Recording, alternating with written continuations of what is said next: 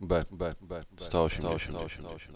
Tym, co przykuło moją uwagę do albumu The Order of Beasts, poza oczywiście faktem, że to Elseworlds, a ja konsekwentnie dążę do posiadania wszystkich albumów z tej linii z Gackiem, była grafika. A konkretnie osoba jej autora, Eddie Campbella. Dla tych, którym to nazwisko nic nie mówi, podpowiem jedynie, że to on zilustrował From Hell do scenariusza Alana Mura. Tym razem stworzył ilustrację do własnego scenariusza. Są lata 30. w powietrzu, czuć już zbliżającą się wojnę, ale Anglia nadal jest spokojna. Właśnie z wizytą przyjechał amerykański milioner Bruce Wayne.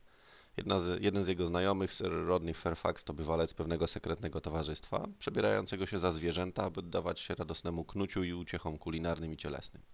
Nie wiedzą jednak, że w ich szeregach znajdują się członkowie innej, tym bardziej sekretnej organizacji, wierzącej w przewodnictwo rosnącego w siłę niemieckiego wodza z grzywką i wąsikiem. Jak to bywa często w czasie agenturalnej podziemnej działalności, jeden z nich rozstaje się z życiem w sposób raczej gwałtowny i przedwczesny. W tej właśnie chwili do akcji wkracza alterego amerykańskiego filistra, czyli zamaskowany Batman. Nie dziwi za bardzo fakt, że przybierająca się za zwierzaki grupa postanawia poprosić tego najwyraźniej bardzo im zwyczajami bliskiego detektywa o pomoc w rozwiązaniu zagadki zabójstwa. Oczywiście w tych brytyjskich wojażach Brusa nie mogło zabraknąć pięknej kobiety, więc w całą akcję wplątana jest piosenkarka Edith, piękna i młoda córka Sir Fairfaxa.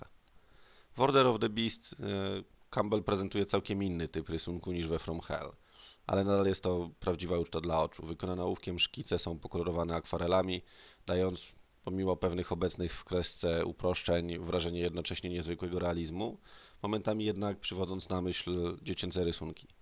Klasyczne w duchu kadrowanie, chwilami przerywane całostronicowym panelem albo otwartym kadrem sprawia, że lektura tego dość w sumie cienkiego tomiku mija szybko i sprawnie.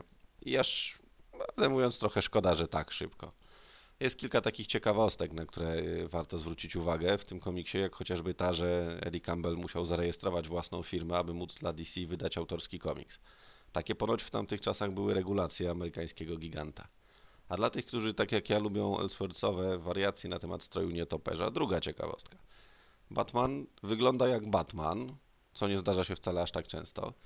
Strój w tym albumie bowiem nie różni się praktycznie niczym od wersji klasycznej, oprócz jednego jednocześnie małego i ogromnego szczegółu.